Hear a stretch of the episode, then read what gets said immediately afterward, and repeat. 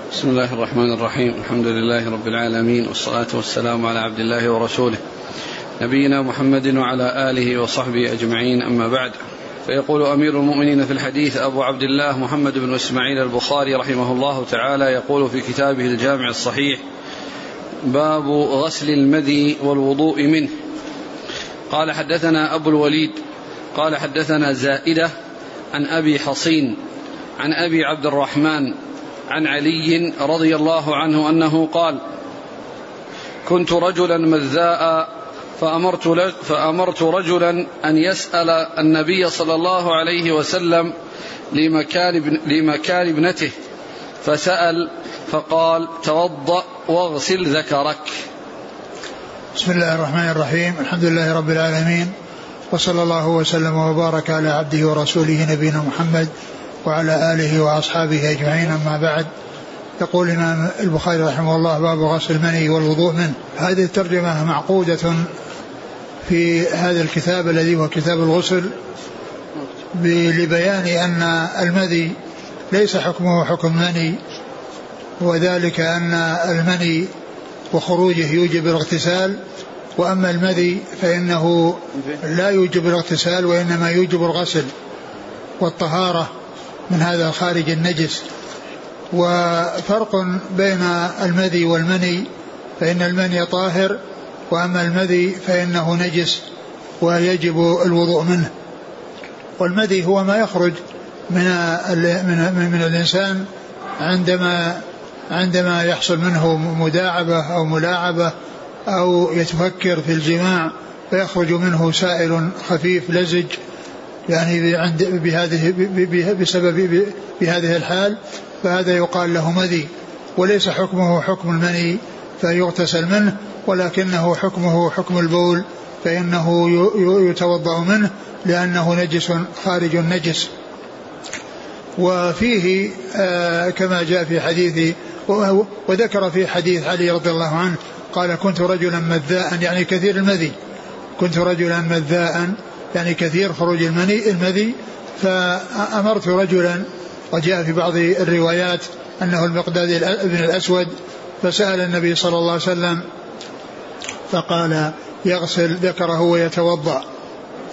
وقال في هذا الحديث لمكان ابنته يعني أنه لم يواجه النبي صلى الله عليه وسلم بالسؤال ولم يحصل السؤال منه من النبي صلى الله عليه وسلم مباشرة لمكان ابنته منه أي لكونه زوج ابنته فاطمة رضي الله عنها وهذا من الأمور التي يستحيا فيها فيما يتعلق بالنساء وما يتعلق ب يعني في أمور النساء التحدث به مع الأصهار ومع مع مع الأصهار يعني ليس هذا مما يستحيا منه ومما لا يذكر. ولهذا لم يسأل النبي صلى الله عليه وسلم وأمر غيره أن يسأل وبين السبب الذي جعله لم يباشر السؤال في قوله لمكان ابنته. أي لمكان ابنته مني أي لكونه زوج ابنته فاطمة رضي الله تعالى عن الجميع. وقد جاء في هذا الحديث أنه يغسل ذكره ويتوضأ. وهذا يدل على غسل الذكر وأنه لا يكفي يعني آه، إزالة أو غسل يعني ما خرج أو ما حل الخارج وإنما يغسل الذكر وجاء في بعض الروايات يغسل الأنثيين. يعني في رواية صحيحة أنه يغسل ذكره وأنثييه. وهذا يدل على أن هذا هو الواجب. وكذلك أيضا إن كان أصاب الإنسان شيء من المذي فإنه نجس يغسله ويزيل هذه النجاسة. وفيما يتعلق بمحل الخارج فإنه يزيل يعني ذاك الخارج ويغسل ذكره ويغسل أنثييه كما جاءت بذلك السنة عن رسول الله صلى الله عليه وسلم. نعم. قال حدثنا أبو الوليد هشام بن عبد الملك الطيالسي عن زائدة بن قدامة عن أبي حصين وهو عثمان بن عاصم عن أبي عبد الرحمن وهو عبد الله بن حبيب عن علي علي بن أبي طالب رضي الله عنه. نعم. قال رحمه الله تعالى باب من تطيب ثم اغتسل وبقي أثر الطيب. قال حدثنا أبو النعمان قال حدثنا أبو عوانة عن إبراهيم بن محمد بن المنتشر عن أبيه قال سألت عائشة رضي الله عنها فذكرت لها قول ابن عمر رضي الله عنهما ما أحب أن أصبح محرما أنضخ طيبا. فقالت عائشة أنا طيبت رسول الله صلى الله عليه وسلم ثم طاف في نسائه ثم أصبح محرما. ثم ذكر باب الطيب باب الطيب باب؟ باب؟ من تطيب ثم اغتسل وبقي أثر الطيب. باب من تطيب ثم اغتسل وبقي أثر الطيب. يعني فإنه لا يضر. وهذا في حق المحرم.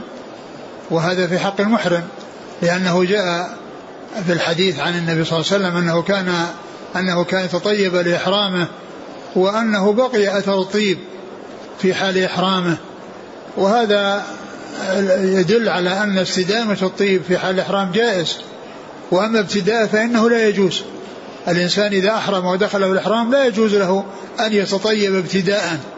ولكنه إذا كان إذا تطيب قبل الإحرام فيجوز له الاستمرار في هذا الطيب الذي كان قبل الإحرام لأنه ما تطيب عندما بعد ما أحرم ولكنه تطيب واستمر معه الطيب.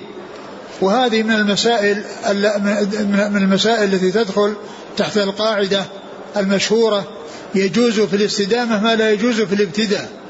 يجوز في الاستدامة ما لا يجوز في الابتداء فإن المحرم ليس له أن يبتدئ التطيب ولكن يجوز له أن يستديم الطيب. الذي كان قبل الإحرام. يجوز في الاستدامة ما لا يجوز في الابتداء.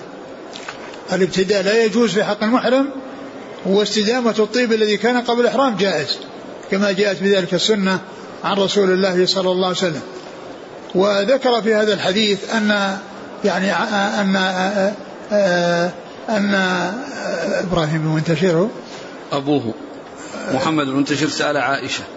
محمد فذكرت لها سأل عائشة ذكرت لها قول عبد الله بن عمر ما ما أحب أن أصبح أن محرما. أصبح محرما.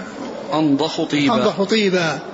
وهذا آه، سبق أن مر في الحديث أنه ذكره مبهما لأن لأنه قال ذكرته لعائشة فقد يرحم الله أبا عبد الرحمن.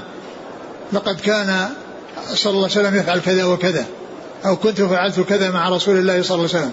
هنا ذكر المبهم الذي كان أبهمه في رواية سابقة حيث قال آه، ابن منتشر ذكرته. أي ذكرت عبد الله بن عمر وما حصل منه.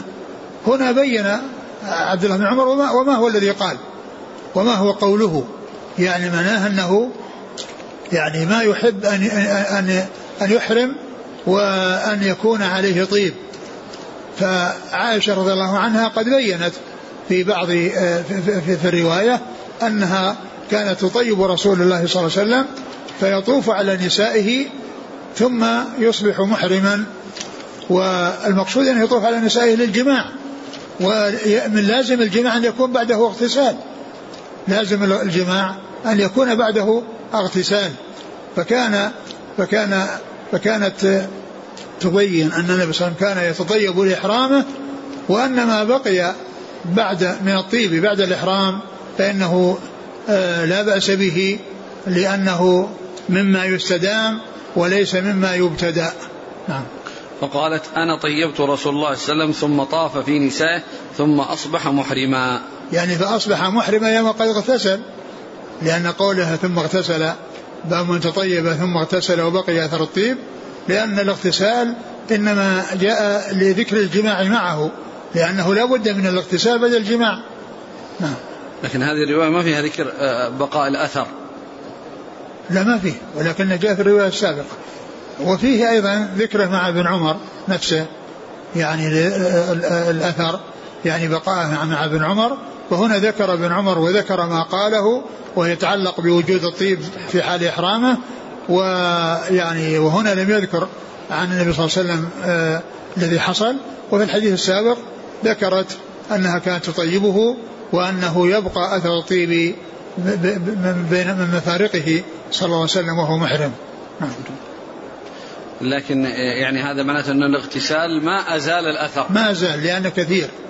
لأنه كثير وثخين نعم. قال حدثنا أبو النعمان محمد بن فضل عن أبي عوانة الوضاح بن عبد الله اليشكري. عن إبراهيم بن محمد بن المنتشر نعم. عن أبيه نعم. عن عائشة. نعم. قال حدثنا آدم قال حدثنا شعبة قال حدثنا الحكم عن إبراهيم عن الأسود عن عائشة رضي الله عنها أنها قالت كأني أنظر إلى وبيص الطيب في مفرق في مفرق النبي صلى الله عليه وسلم وهو محرم. ثم ذكر ثم ذكر حديث عائشة رضي الله عنها أن أنها قالت كأني أنظر إلى وبيص إلى وبيص الطيب في مفرق النبي صلى الله عليه وسلم وهو محرم. وهذا فيه بيان يعني بقاء الطيب في آه الذي حصل قبل الإحرام وأنه مستدام. وقولها كأني يعني هذا إشارة إلى تحقق ذلك وأنها كأنها تراه الآن. يعني آه، آه، على تلك الهيئة التي حدثت بها. وهذا يبين يعني يعني آه، تحققها من ذلك الشيء وأنها وهي تحدثهم كأنها تشاهده يعني إشارة إلى تحقق حصول ذلك وأن هذا شيء ثابت وأن هذا شيء تعرفه تماما وكأنها تنظر إليه وهي تحدث بهذا الحديث عن رسول الله صلى الله عليه وسلم نعم.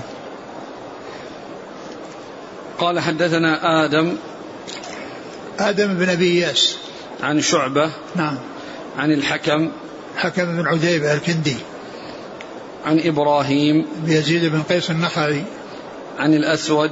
الأسود النخعي عن عائشة. نعم. وهذا الإسناد فيه ثلاثة من التابعين. يروي بعضهم عن بعض. الحكم وإبراهيم والأسود. قال رحمه الله تعالى باب تخليل الشعر حتى إذا ظن أنه قد أروى بشرته أفاض عليه. قال حدثنا عبدان قال أخبرنا عبد الله قال أخبرنا هشام بن عروة عن أبيه عن عائشة رضي الله عنها أنها قالت كان رسول الله صلى الله عليه وعلى آله وسلم إذا اغتسل من الجنابة غسل يديه وتوضأ وضوءه للصلاة. ثم اغتسل ثم يخلل بيده شعره حتى إذا ظن أنه قد أروى بشرته أفاض عليه الماء ثلاث مرات ثم غسل سائر جسده. وقالت كنت أغتسل أنا ورسول الله صلى الله عليه وعلى آله وسلم من إناء واحد نغرف منه جميعا. ثم ذكر باب تخليل الشعر حتى إذا ظن أنه قد أروى بشرته أفاض عليه. باب تخليل الشعر يعني شعر, شعر الرأس. حتى إذا ظنه إذا ظن أنه حتى إذا ظن أنه قد أروى بشرته. قد أروى بشرته يعني الجلد يعني أصل أصل الشعر الذي نبت فيه الشعر يعني معناه وصل للبشرة البشرة التي يعني نبت فيها الشعر من الرأس. فالمقصود من ذلك تخليلها بالأصابع بمعنى أنه حتى يعني يظن يعني بمعنى يتحقق أو يغلب على ظنه أن الماء وصل إلى أصل منابت الشعر الذي هو البشرة. فإذا ظن أنه قد أروى يعني صب على رأسه وغسله لأن هذا الفعل الذي هو التخليل من أجل أن من أجل أصل الشعر الذي هو المنابت والذي هو البشرة. ثم الإفراغ عليه بعد ذلك لغسل الشعر نفسه. لأنه في الأول يغسل البشرة بهذا التخليل الذي يكون في الأصابع بين الشعر. ثم بعد ذلك يصب أو يفرغ على الماء على رأسه من أجل غسل الشعر. ثم يفيض الماء على سائر جسده عليه الصلاة والسلام. وهذا الحديث يعني يدل على يعني على أن على أن المطلوب هو إيصال الشعر الماء إلى أصل الشعر وبعد ذلك غسل الشعر. ف يعني يصل الماء إلى البشرة ويصل ويكون للشعر الذي نبت على البشرة. فإنه لا بد من هذا وهذا. لا بد من هذا وهذا بأن يصل الماء إلى أصول الشعر. والمهم أن يصل الماء إلى أصول الشعر. يعني ولا ما يحصل تخليل. المهم أنه يتحقق أن الماء وصل إلى أصول الشعر. عند قال كان. قالت كان رسول الله صلى الله عليه وسلم إذا اغتسل من الجنابة غسل يديه وتوضأ وضوءه للصلاة. نعم. ثم اغتسل. ثم يخلل بيده شعره. لأنه آه، توضأ وضوء الصلاة ثم اغتسل. يعني معناه أنه باشر الغسل وهذا الوضوء الذي هو قبل هذا هو من الغسل أيضا. هو من الغسل لأنه غسل أعضاء الوضوء ثم غسل أو اغتسل لسائر جسده الذي هو رأسه وسائر جسده. ثم اغتسل. ثم يخلل بيده شعره. يخلل بيده شعره يعني يعني يجعل إصابعه في خلال الشعر بحيث تصل إلى أصل أصوله الذي هو البشرة. لأن المقصود بالاغتسال وصوله إلى البشرة وغسل الشعر الذي نبت على البشرة. نعم. حتى إذا ظن أنه قد أروى بشرته. حتى إذا ظن إما يكون مقصوده ظن بمعنى تحقق والظن يأتي بمعنى اليقين. ظننت أني ملاق حسابية يعني تيقنت بأني ملاق حسابية أو الظن الغالب الذي هو حكم حكم اليقين. بأن يكون يعني آه الظن يعني يحتمل يحتمل احتمالين لأنه يطلق على اليقين ويطلق على الظن الغالب وكل منهما معتبر. نعم. حتى إذا ظن أنه قد أروى بشرته أفاض عليه الماء ثلاث مرات. أروى بشرته التي هي أصول الشعر. أفاض عليه على الشعر. نعم. ثم غسل سائر جسده. ثم غسل سائر جسده يعني باقي جسده اللي هو غير الرأس. وقالت كنت أغتسل أنا ورسول الله صلى الله عليه وسلم من إناء واحد نغرف منه جميعا. وهذا يعني ما تقدم الحديث يعني في هذا. وهذا يبين أنها كانت ترى ذلك لأنه كانت تغتسل معه. لأن كونها تغتسل معه وتغترف من الماء وهو يغترف من الماء وتراه وهو يفعل هذا الفعل. تراه كيف يغتسل؟ لأنها كانت تغتسل معه. يعني فإذا اغتسالها معه يعني فيه آه، مشاهدتها ومعاينتها لكيفية اغتساله صلى الله عليه وسلم. قال حدثنا عبدان هو عبد الله عبد الله بن عثمان عن عبد الله وهو بن المبارك. عن هشام بن عروة نعم. عن أبيه نعم. عن عائشة. يقول هل يقال أن من أخر الوضوء إلى آخر الغسل أنه خالف السنة؟ والله ما يعني ما أدري يعني ما أستطيع أقول أنه مخالف للسنة لأن الإنسان يعني قد يعني ال ال أنه إذا كان ما روى رفع الحدث بالاغتسال فإنه لابد من أن يتوضأ. إذا إذا ما روى نفع رفع الحدث الأصغر باغتساله بأن روى رفع نوى رفع الحدثين فإنه لابد أن يتوضأ. لأن الوضوء لابد فيه من نية والغسل لابد فيه من نية لأنهما عبادة. فإذا كان فعله لا شك أن هذا هو الأصل. وإن أخره يعني ولم يفعله فإنه ولم ينوي ينويه عند الاغتسال فإنه يتعين عليه أن يتوضأ. يتعين عليه أن يتوضأ لأنه لا بد لا بد لهذا من نية ولا بد لهذا من نية. وإن نواهما جميعا ارتفع حدثه الحدث الأكبر والأصغر. هو يقول يفعل ذلك حتى لا ينتقض الوضوء بلمسه في الفرج. هو يمكن ذلك يؤخر الوضوء. هو هو يمكن الإنسان يمكن الإنسان أنه إذا إذا غسل فرجه يعني في الأول أنه ما ما ما يفعل. لكنه لكن لو فعل ينتقض وضوءه نعم.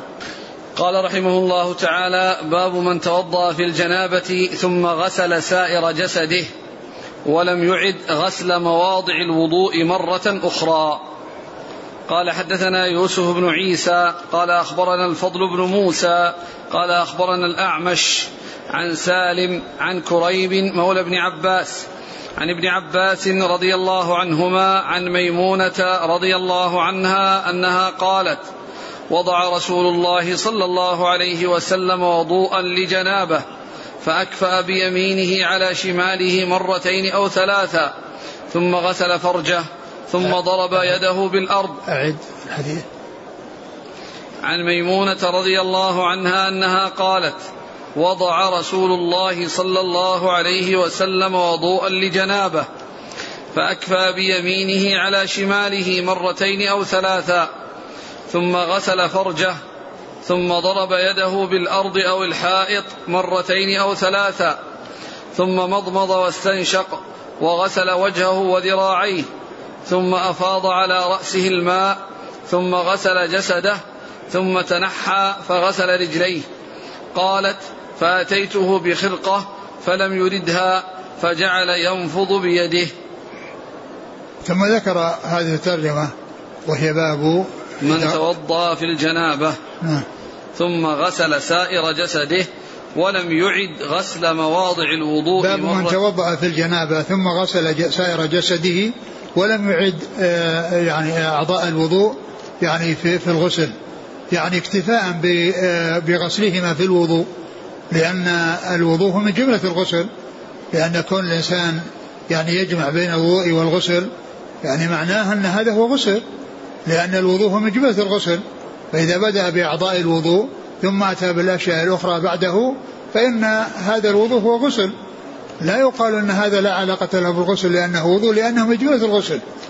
لأن الغسل فيه, فيه, فيه, فيه التفصيل الذي يجمع فيه بين الغسل بين الوضوء والغسل وفيه الاغتسال الذي لا يتوضأ فيه الذي لا يكون معه توضأ كان ينغمس في ماء كان ينغمس في ماء فإنه يحصل له يعني ذلك بدون أن يتوضأ وحتى لو صب على رأسه وعلى جسده الماء دون أن يتوضأ ونوى رفع الحدث الأكبر وكذلك رفع الحدث الأصغر ولم يمس ذكره في أثناء ذلك فإنه يرتفع الحدثان.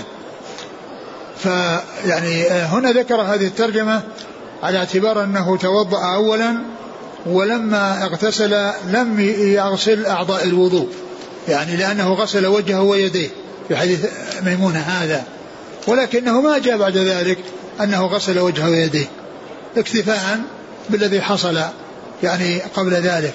ويمكن أيضا أن يكون الماء وصل إليهما يعني من من ناحية الصب الذي على على جسده لكنه ما حصل منه أنه آه، غسل يديه وأنه يعني يلزمه أن يغسل يديه وقد غسلهما في الأول.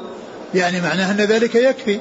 هذا الذي حصل في الأول من الوضوء يكفي هذه الأعضاء سواء وصل إليها ماء عند الاغتسال أو لم يصل إليها ماء. إن لم يصل إليها ماء فإنه يكتفي آه، الأول يكتفي بالأول. وهذا هو الذي أراده المصنف رحمه الله من أنه يعني آه، لم يعد لأنه لا يعيد غسل وجهه ويديه أو أعضاء الوضوء التي غسلها يعني في أول الأمر لأن الوضوء من جملة الاغتسال لأن الوضوء جزء من الاغتسال. نعم. والحديث مر في أبواب كثيرة يعني في أبواب متعددة هذا الحديث الذي يعني يرويه عن الأعمش وفيه دون الأعمش آه، واسطتان. هذه الواسطتان تكررت في الأحاديث. وأما من الأعمش فما فوق فهو متحد في جميع الأحاديث. في حديث حديث ميمونة رضي الله عنها من الأعمش فما فوق متفقة فيه الروايات. واختلاف الروايات فيما دون الأعمش. فإنه تكررت الأحاديث ومرت بكثرة وفيها أن الاختلاف إنما هو في الشيخ وشيخ الشيخ. نعم. عن ميمونة قالت وضع رسول الله صلى الله عليه وسلم وضوءا لجنابة. هو مر في كثير من الروايات أنه وضع له وأنها وضعت للرسول أو صبت للرسول صلى الله عليه وسلم. كثير الروايات كلها جاءت بأنهم هم وضعوا له. وفي بعض الروايات لهذا الحديث وضع له. وهذه تتفق مع الروايات الأخرى أن ذلك الفعل يعني إنما هو من من غيره وأن غيره هو الذي وضع له وأن فيه خدمة المرأة لزوجها لكونها تباشر خدمته وتضع له الماء الذي يحتاج وتسقي وتهيئ له يعني وضوءه واغتساله. نعم. وضع رسول الله صلى الله عليه وسلم وضوءا لجنابة فأكفى بيمينه على شماله مرتين أو ثلاثا ومر الحديث. أقول مر الحديث بما فيه من غسل اليدين قبل إدخالهما الإناء وكذلك غسل فرجه وكذلك ضرب يده بالأرض وكذلك يعني وضوءه وكذلك ما يتعلق برأسه وتأخير غسل الرجلين إلى الآخر. ولكن محل الشاهد من هنا هو ما يتعلق بوجه اليدين. وأما الرجلين فإنه ما تقدم لهما فعل في الوضوء لأنه أخرها بعد الاغتسال. وإنما الموضوع أو الأمر يتعلق بما ذكر من غسل الوجه واليدين أنه لم يعد غسلهما. نعم.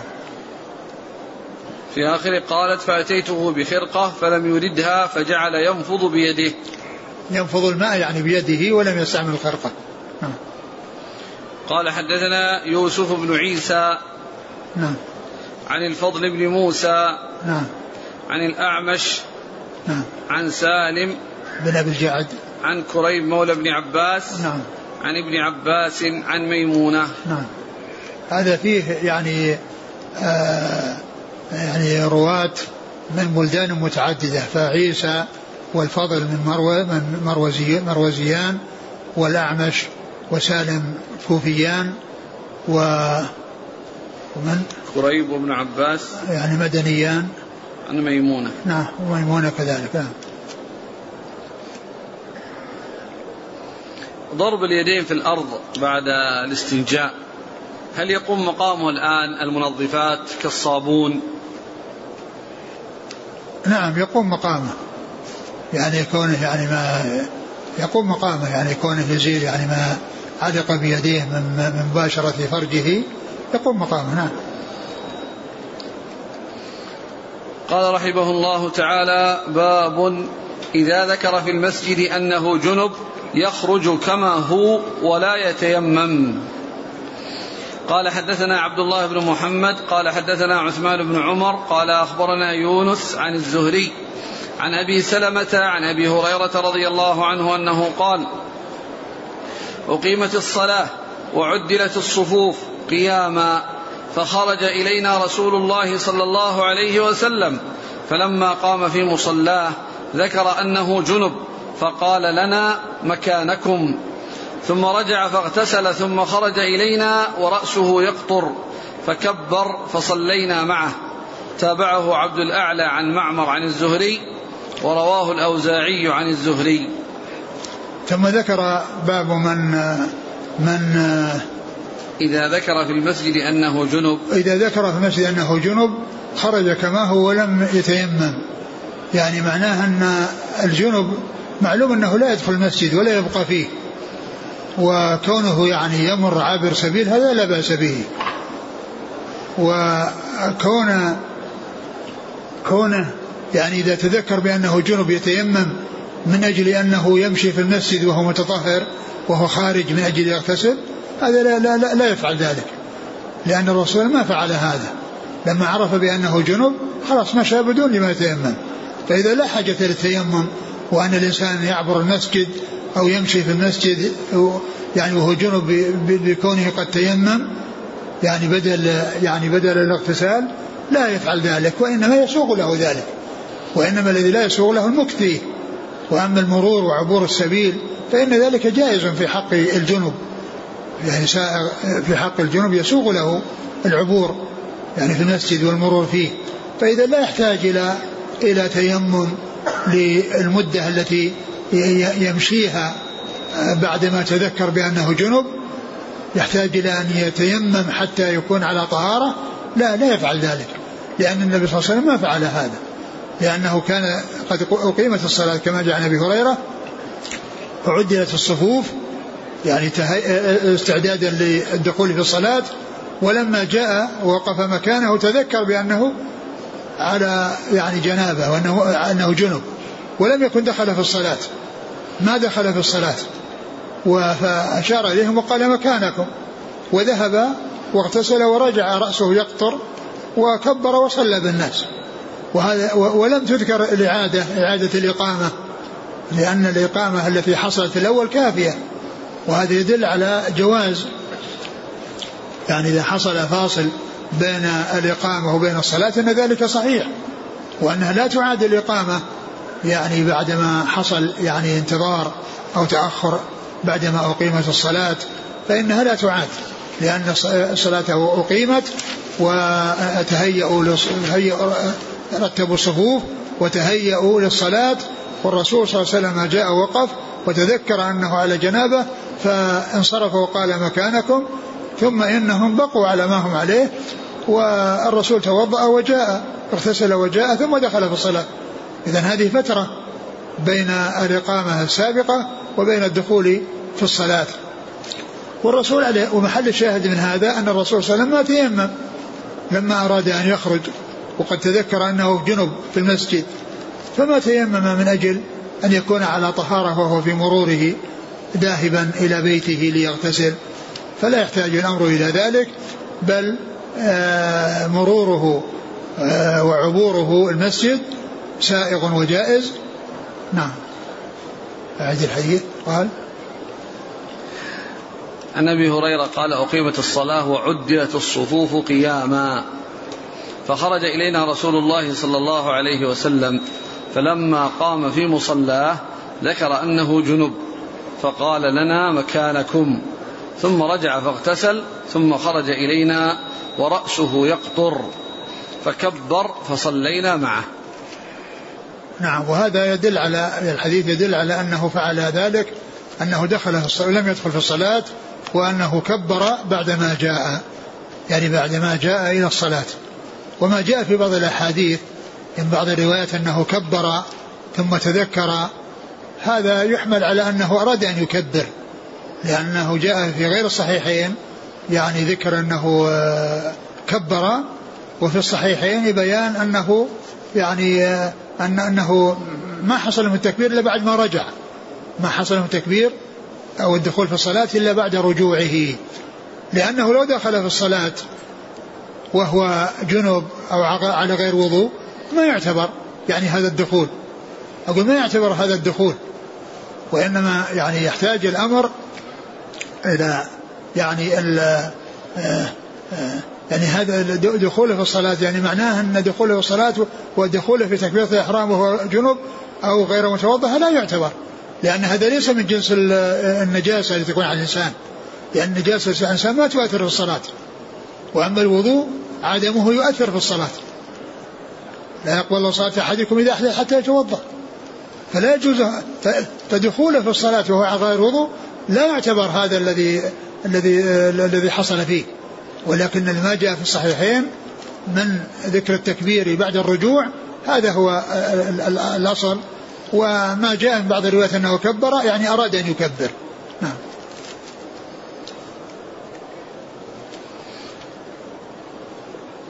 قال حدثنا عبد الله بن محمد المروزي الجعفي. عن عثمان بن عمر نعم. عن يونس بن يزيد الأيلي. عن الزهري نعم. عن أبي سلمة بن عبد الرحمن بن عوف. عن أبي هريرة نعم. قال تابعه عبد الأعلى تابعه عبد الأعلى بن زياد. عبد الأعلى. عبد الأعلى بن عبد الأعلى نعم. عن معمر عن معمر بن راشد. عن الزهري. نعم. ورواه الأوزاعي. ورواه الأوزاعي عبد الرحمن بن عمرو الأوزاعي. عن الزهري. عن الزهري. يعني هذا المتابعة هنا ذكر المتابعة من من عبد الأعلى ثم ذكر الرواية من الزهري من الأوزاعي. وفاوت بينهما بأن قال هنا تابعه وهنا قال رواه. لأنه هنا يعني أشار إلى المتابعة وأما رواه قد أوردها في مكان آخر بإسناده بإسناد البخاري في ذكر الأوزاعي وأما هنا إنما أشارها آه، ذكر أنها متابعة وهي في غير الصحيح وصلها في غير الصحيح نعم. يقول آه، إذا حدث مثل هذا الموقف الآن هل يشرع للإمام أن يقتدي بفعل النبي صلى الله عليه وسلم في جعل الناس ينتظرونه أم ينيب عنه؟ لا أبدا ينتظرون ما في بأس. إذا كان إنه في مكان قريب يغتسل البيت بجواره وأما كان يذهب ويركب السيارة ويروح مكان بعيد خليني واحد يصلي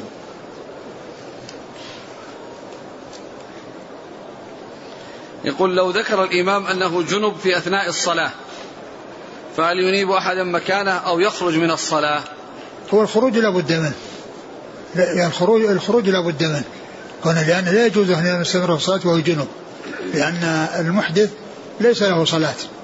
بخلاف الذي عليه نجاسة فإنه يواصل. مثل ما فعل الرسول صلى الله عليه وسلم لما خلى النعال في أثناء الصلاة لما أخبره جبريل بأن فيها قدر. ويعني الذي يبدو أنه يعني يقطع الصلاة يقطع الصلاة ويعني يعني من العلماء من قال إنه يقطعها ويعني يعني ينيب ومنهم من قال إنه يقطعها ويعني ينتظره ثم يأتي ويصلي بهم من جديد يدخل الصلاة بهم من جديد وهم يصلون معه لو كان الفاصل بين الإقامة والصلاة الحديث في أمور الدنيا هل تعاد الإقامة؟ الحديث في أمور الدنيا؟ أي.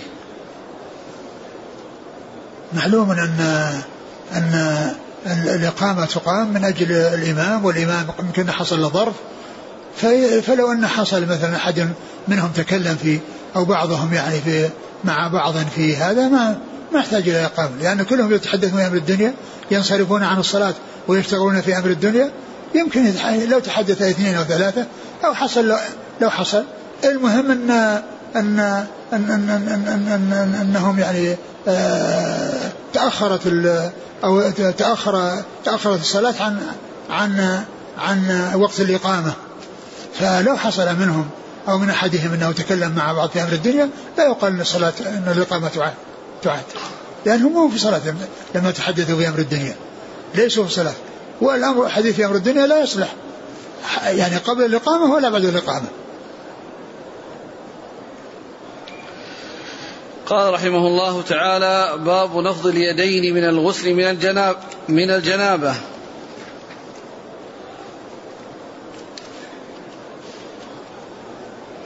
قال حدثنا عبدان قال أخبرنا أبو حمزة قال سمعت الأعمش عن سالم عن كريب عن ابن عباس قال قالت ميمونة رضي الله عنهم وضعت للنبي صلى الله عليه وسلم غسلا فسترته بثوب.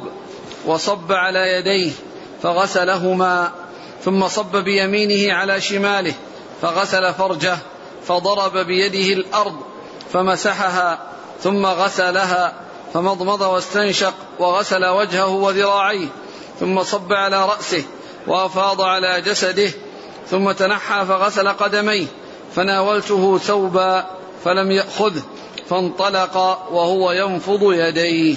ثم ترجم البخاري رحمه الله في هذا الحديث أو لهذا الحديث لهذه الجملة التي جاءت في آخر الحديث وهو نفض اليدين في الوضوء. من الغسل. من الغسل.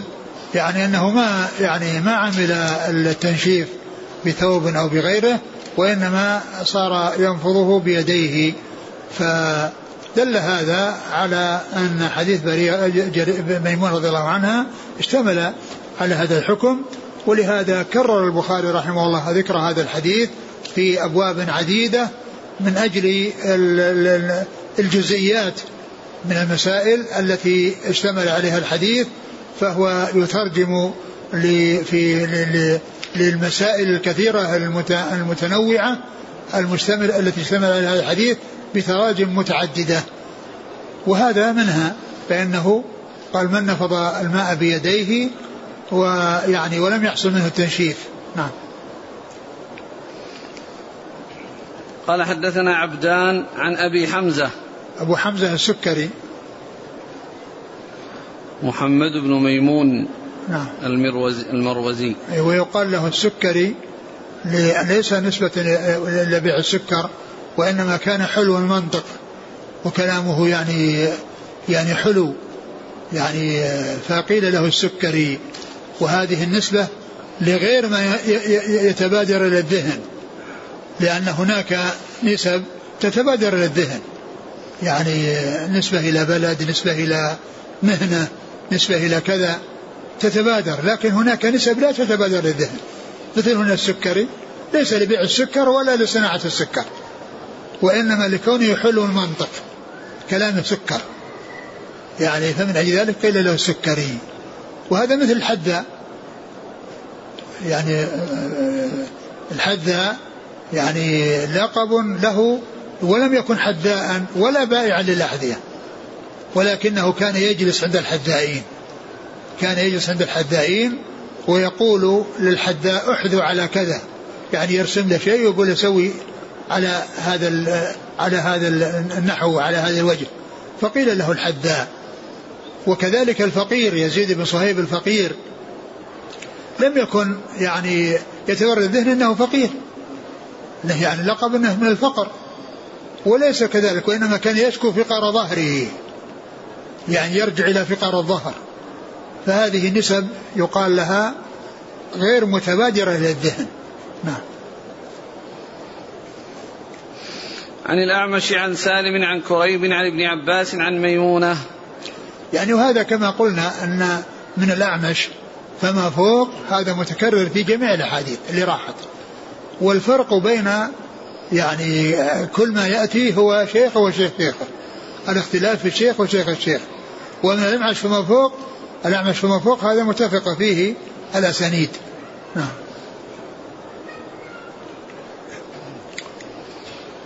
قال رحمه الله تعالى باب من بدا بشق رأسه الأيمن في الغسل. قال حدثنا خلاد بن يحيى قال حدثنا إبراهيم بن نافع عن الحسن بن مسلم عن صفية بنت شيبة رضي الله عنها عن عائشة رضي الله عنها أنها قالت كنا إذا أصابت إحدانا جنابة أخذت بيديها ثلاثا فوق رأسها ثم تأخذ بيدها على شقها الأيمن وبيدها الأخرى على شقها الأيسر.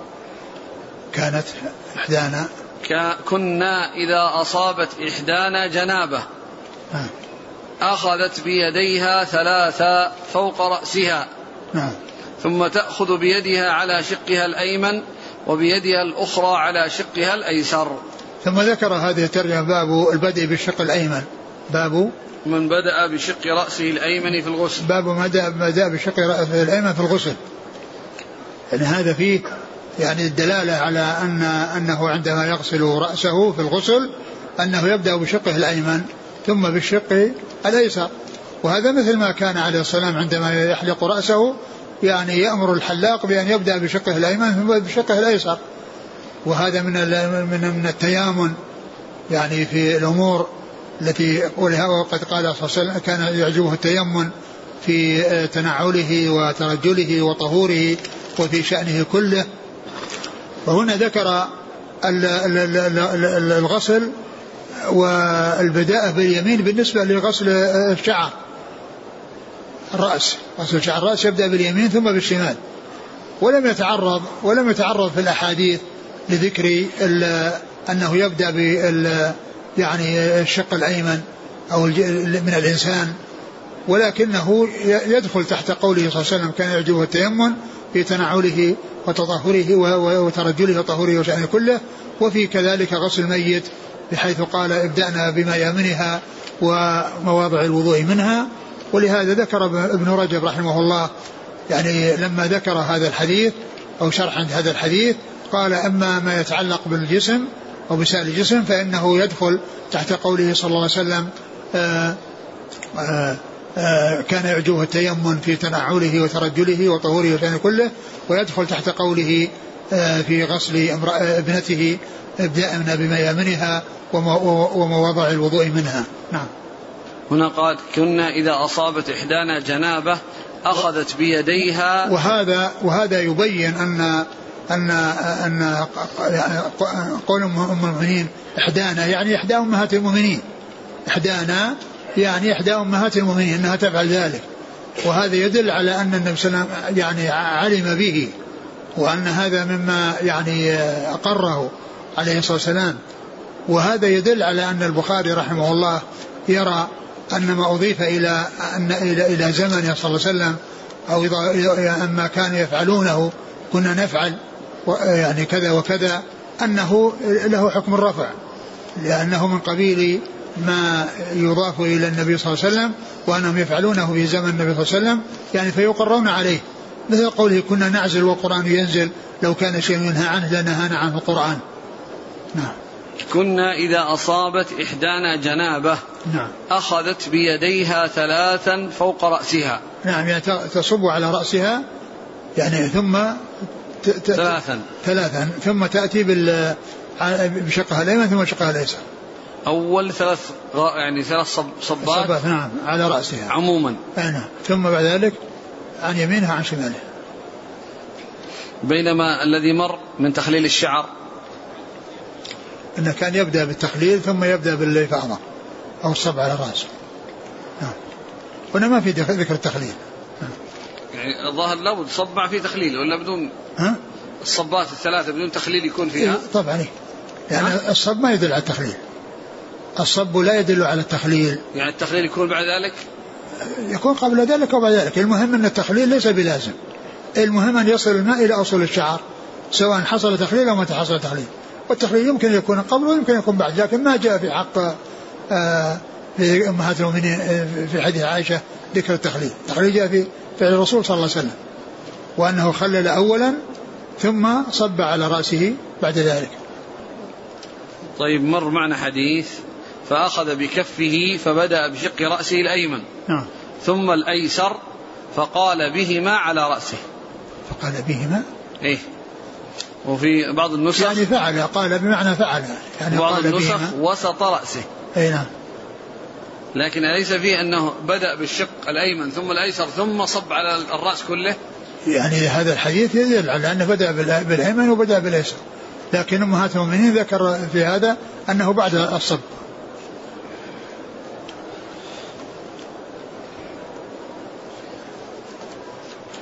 قال حدثنا خلاد بن يحيى نعم. عن إبراهيم النافع نعم. عن الحسن بن مسلم نعم. عن صفية بنت شيبة نعم. عن عائشة. نعم. قال والإسناد مكيون. نعم. قال رحمه الله تعالى باب من اغتسل عريانا وحده في الخلوة ومن تستر فالتستر أفضل. وقال بهز عن أبيه عن جده رضي الله عنه عن النبي صلى الله عليه وسلم الله أحق أن يستحيا منه من الناس. قال حدثنا إسحاق بن نصر قال حدثنا عبد الرزاق عن معمر عن همام بن منبه عن أبي هريرة رضي الله عنه عن النبي صلى الله عليه وعلى آله وسلم أنه قال كانت بنو إسرائيل يغتسلون عراه ينظر بعضهم إلى بعض وكان موسى عليه الصلاة والسلام يغتسل وحده فقالوا والله ما يمنع موسى أن يغتسل معنا إلا أنه آدر. آدر. آدر. ها؟ آدر. بالذال؟ بالدال المهملة. إيه، نعم. فذهب مرة يغتسل فوضع ثوبه على حجر ففر الحجر بثوبه فخرج موسى في إثره يقول ثوبي يا حجر. حتى نظرت بنو إسرائيل إلى موسى فقالوا والله ما بموسى من بأس. وأخذ ثوبه فطفق بالحجر ضربا. فقال أبو هريرة والله إنه لندب بالحجر ستة أو سبعة ضربا بالحجر. وعن أبي هريرة رضي الله عنه عن النبي صلى الله عليه وعلى آله وسلم أنه قال بين أيوب عليه الصلاة والسلام يغتسل عريانا فخر عليه جراد من ذهب فجعل أيوب يحتثي في ثوبه فناداه ربه يا أيوب ألم أكن أغنيتك عما ترى؟ قال بلى وعزتك ولكن لا غنى بي عن بركتك. ورواه إبراهيم عن موسى بن عقبة عن صفوان عن عطاء بن يسار عن أبي هريرة عن النبي صلى الله عليه وعلى آله وسلم أنه قال بين أيوب يغتسل عريانا. ثم ذكر باب من اغتسل عريانا. وحده في الخلوة. نعم باب من اغتسل عريانا وحده في الخلوة ومن ومن استتر فالتستر أفضل. التستر أفضل. يعني هذا هذه الترجمة معقودة لبيان كون الإنسان يغتسل عريانا يعني في الخلاء أو في الخلوة يعني وحده ليس عنده أحد من الناس أن ذلك سائر. ولكن كونه يتستر يعني فإن التستر أفضل حتى لو كان يعني في, في, في, في الخلاء وفي أماكن يعني إذا وجد مكانا يستتر به فإنه لا يترك الاستتار لا يترك الاستتار يعني في في, في, في حتى في حال الخلوة. ولكنه يعني يجوز له ذلك. ولكن آه، التستر أفضل. ولهذا البخاري رحمه الله جمع بين الأمرين في الترجمة بمعنى أن هذا جائز وأن هذا هو الأفضل. يعني كونه يعني يحصل من التستر يعني وإن كان ذلك جائزا إلا أن غيره الذي هو التستر أولى منه. إلا أن غيره هو التستر أولى منه.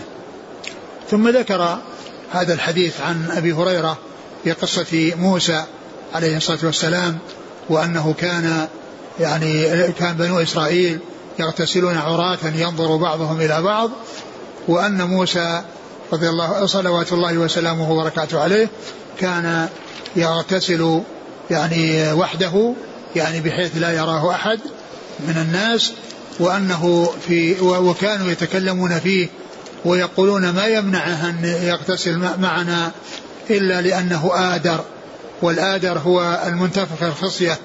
يعني معناه أن فيه يعني عيب أو فيه شيء يحب لا يحب أن يرى وأنه آه، يبتعد يعني حتى لا يحصل رؤية هذا النقص الذي فيه.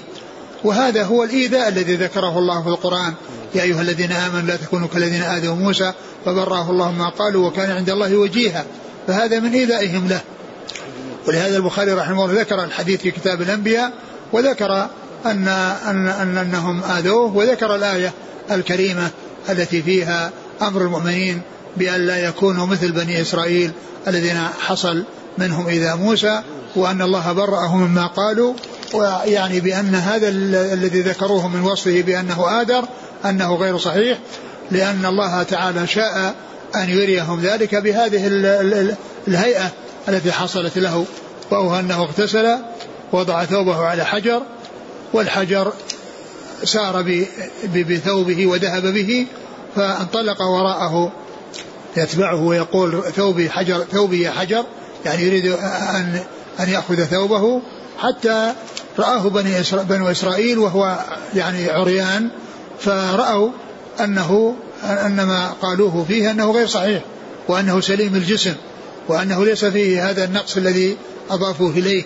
وآذوه به كما قال الله عز وجل عنهم لا تكونوا كالذين آذوا موسى.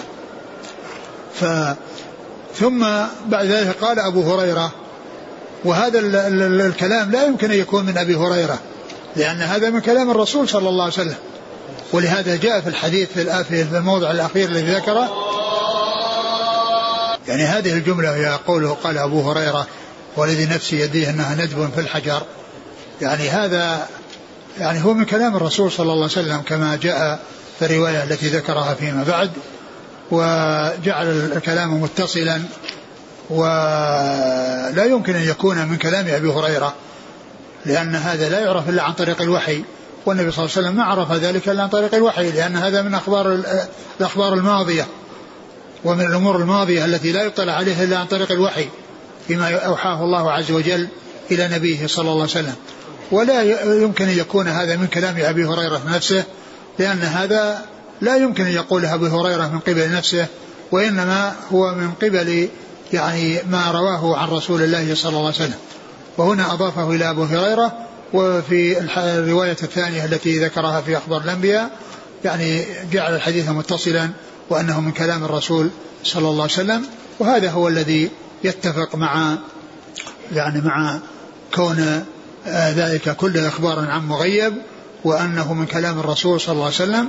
وأبو هريرة يعني جاء ما جاء في هذه الرواية يقول أبو هريرة يعني معناه يحكي كلام الرسول صلى الله عليه وسلم وليس كلام أبي هريرة نفسه لأن هذا لا يمكن أن يقوله من تلقاء لنفسه لأن هذا غيب لا يعرفه أبو هريرة إلا عن طريق الوحي والوحي لا يعرف إلا عن طريق الرسول صلى الله عليه وسلم. أقرأ الحديث. عن معمر عن همام بن منبه عن أبي هريرة عن النبي صلى الله عليه وسلم أنه قال كانت بنو إسرائيل يغتسلون عراه ينظر بعضهم إلى بعض وكان موسى يغتسل وحده فقالوا والله ما يمنع موسى أن يغتسل معنا إلا أنه آدر فذهب مرة يغتسل فوضع ثوبه على حجر ففر الحجر بثوبه فخرج موسى في إثره يقول ثوبي يا حجر. حتى حتى نظرت بنو إسرائيل إلى موسى فقالوا والله ما بموسى من بأس وأخذ ثوبه فطفق بالحجر ضربا. فقال أبو هريرة والله إنه لندب بالحجر ستة أو سبعة ضربا بالحجر. يعني عدة ندبات يعني آثار الضرب يعني في الحجر ستة أو سبعة مواضع في نفس الحجر. وهذا يعني شيء أراد الله عز وجل أن يحصل به براءة موسى بأن سخر هذا الحجر وجعله يعني ينتقل وعليه ثوب موسى حتى يلحقه موسى ويعني يراه بنو إسرائيل على على خلاف الهيئة التي أضافوها إليه وأنه آه، على هذا الوصف الذي ذكروه. وقد برأه الله مما قالوا بأن شاهدوه وعاينوه بهذا بهذا الفعل الذي آه، حصل أو بهذا بهذا الحركة والانتقال من هذا الحجر بمشيئة الله وإرادته حتى ظهرت به براءة موسى من هذا الشيء الذي أضافوه إليه. والحديث آه، محل الشاهد منه كون آه، أنه كان يغتسل يعني عريانا وأن وكذلك فيما ذكره عن عن أيوب الحديث الثاني وأنه كان يغتسل يعني عريانا وأنه نزل جراد من ذهب فجعل يحثو في ثوبه وقال له الله لم أغنك عن هذا؟ قال لا غنى بي عن رحمتك. وكل من الحديثين يدلان على الاغتسال عريانا وأن ومحل الشاهد من ذلك أن أنه فعل نبيين كريمين والنبي صلى الله عليه وسلم أخبر عن فعلهما وشرع من قبلنا شرع لنا إلا إن جاء شرعنا يدل على أن هذا لا يجوز في شرعنا. ف ولكن كون آه، تستر آه، أولى وأفضل لأنه جاء في بعض الأحاديث أنه كان يستتر عند اغتساله صلى الله عليه وسلم بثوب أو يستر بثوب صلوات الله وسلامه وبركاته عليه. والحديثان آه، الحديث الثاني لم يذكر إسناده ولكنه قال وعن أبي هريرة يعني معطوف على المتن الذي قبله. والحديثان من صحيفة همام منبه وكلهما بالإسناد واحد يعني إسنادها إسنادها واحد. واكتفى البخاري عن تكرار الإسناد الثاني لأنه آه، هو نفس الإسناد الأول. ولما ذكره في أخبار الأنبياء ساق الإسناد نفسه. هذا الإسناد الذي هنا أتى به هناك. ولكنه لم يذكره هنا اكتفاء بالإسناد الأول الذي ذكره. فإذا قوله وعن هذا ليس معلق وإنما هو معطوف عن الحديث الذي قبله في عن أبي هريرة حيث قال وعن أبي هريرة. والحديثان كما قلت هما موجودان في صحيفة من منبه التي هي من طريق عبد الرزاق عن معمر عن همام عن أبي هريرة. والبخاري رحمه الله يعني يذكر الحديث من الصحيفة آه ويذكر الإسناد ثم يأتي بما يريد. وإن كان ليس هو الإسناد الذي يلي الصحيفة المثل الذي يلي الصحيفة يلي الإسناد. أما مسلم رحمه الله فإنه يذكر الإسناد وإذا فرغ منه عن أبي هريرة قال وذكر أحاديث منها وقال رسول الله صلى الله عليه وسلم كذا ثم يأتي بالحديث الذي يريد مبينا أو مشيرا بكلامه هذا إلى أن آه أن إلى أن هذا ليس من أول الصحيفة وإنما هو من أثناء الصحيفة لأنه أشار إلى ما سبقه بقوله فذكر أحاديث. منها وقال رسول الله صلى الله عليه وسلم كذا. نعم. قال وفي أوله قال بهز وقال بهز. وفي أول التبويب نعم. وقال بهز عن أبيه عن جده عن النبي صلى الله عليه وسلم الله أحق أن يستحيا منه يعني بهز بن بهز بن يعني يعني بهز بن حكيم. بن حكيم بن معاوية بن حيدة. يعني جده صحابي وهو يروي عن أبيه عن جده. والحديث فيه أن أنه سئل النبي صلى الله عليه وسلم عن يعني عوراتنا ما نأتي منها؟ فقال احفظ عورتك إلا من زوجك وما ملكت يمينك. احفظ عورتك إلا من زوجتك وما ملكت يمينك. وفيه أنه سئل يعني عن عن الاغتسال يعني كذا فقال الله أحق أن يستحيا منه. نعم. حديث إيش قال تابعه؟ أو بعد ورواه إبراهيم عن موسى بن عقبة عن صفوان عن عطاء بن يسار هذا الثاني. هذا الحديث الثاني الذي حديث حديث أيوب. نعم. نعم. وعن أبي هريرة عن النبي صلى الله عليه وسلم قال أول اسناد أول إسناد. قال حدثنا إسحاق بن نصر. نعم. منسوب نعم. إلى جده. نعم. إسحاق بن إبراهيم بن نصر. نعم. عن عبد الرزاق نعم. عن معمر عن همام بن منبه عن أبي هريرة. نعم يعني رواية الصحيفة هي من طريق آه، عبد الرزاق عن معمر عن همام عن أبي هريرة. ويأتي قبل ذلك يعني آه، الواسطة بين الراوي أو بين البخاري أو مسلم ومسلم أحاديثه التي يرويها من الصحيفة من طريق شيخه محمد بن رافع. محمد بن رافع يعني هو الذي يروي عنه أحاديث الصحيفة. يعني تتكرر الأسانيد حدثنا محمد بن رافع عن عبد الرزاق إلى آخر الإسناد. وأما البخاري فإنه يأتي به يعني على يعني على عدة شيوخ كما جاء هنا وجاء كما جاء في مواضع أخرى يعني بغير ولكنها تبدأ من عبد الرزاق وتستمر حتى النهاية. ورواه إبراهيم نعم. عن موسى بن عقبة. نعم. إبراهيم بن طهمان. نعم. عن موسى بن عقبة عن صفوان صفوان بن سليم المدني. نعم. عن عطاء بن يسار عن أبي هريرة. صفوان بن سليم. نعم. نعم. عن عطاء بن يسار نعم. عن أبي هريرة. عن النبي صلى الله عليه وسلم قال بين أيوب يغتسل عريانا. نعم. والله تعالى أعلم وصلى الله وسلم وبارك على عبده ورسوله نبينا محمد وعلى آله وأصحابه أجمعين. جزاكم الله خيرا وبارك الله فيكم وألهمكم الله الصواب ووفقكم للحق ونفعنا الله ما سمعنا وغفر الله لنا ولكم وللمسلمين أجمعين سبحانك اللهم وبحمدك أشهد أن لا إله إلا أنت أستغفرك وأتوب إليك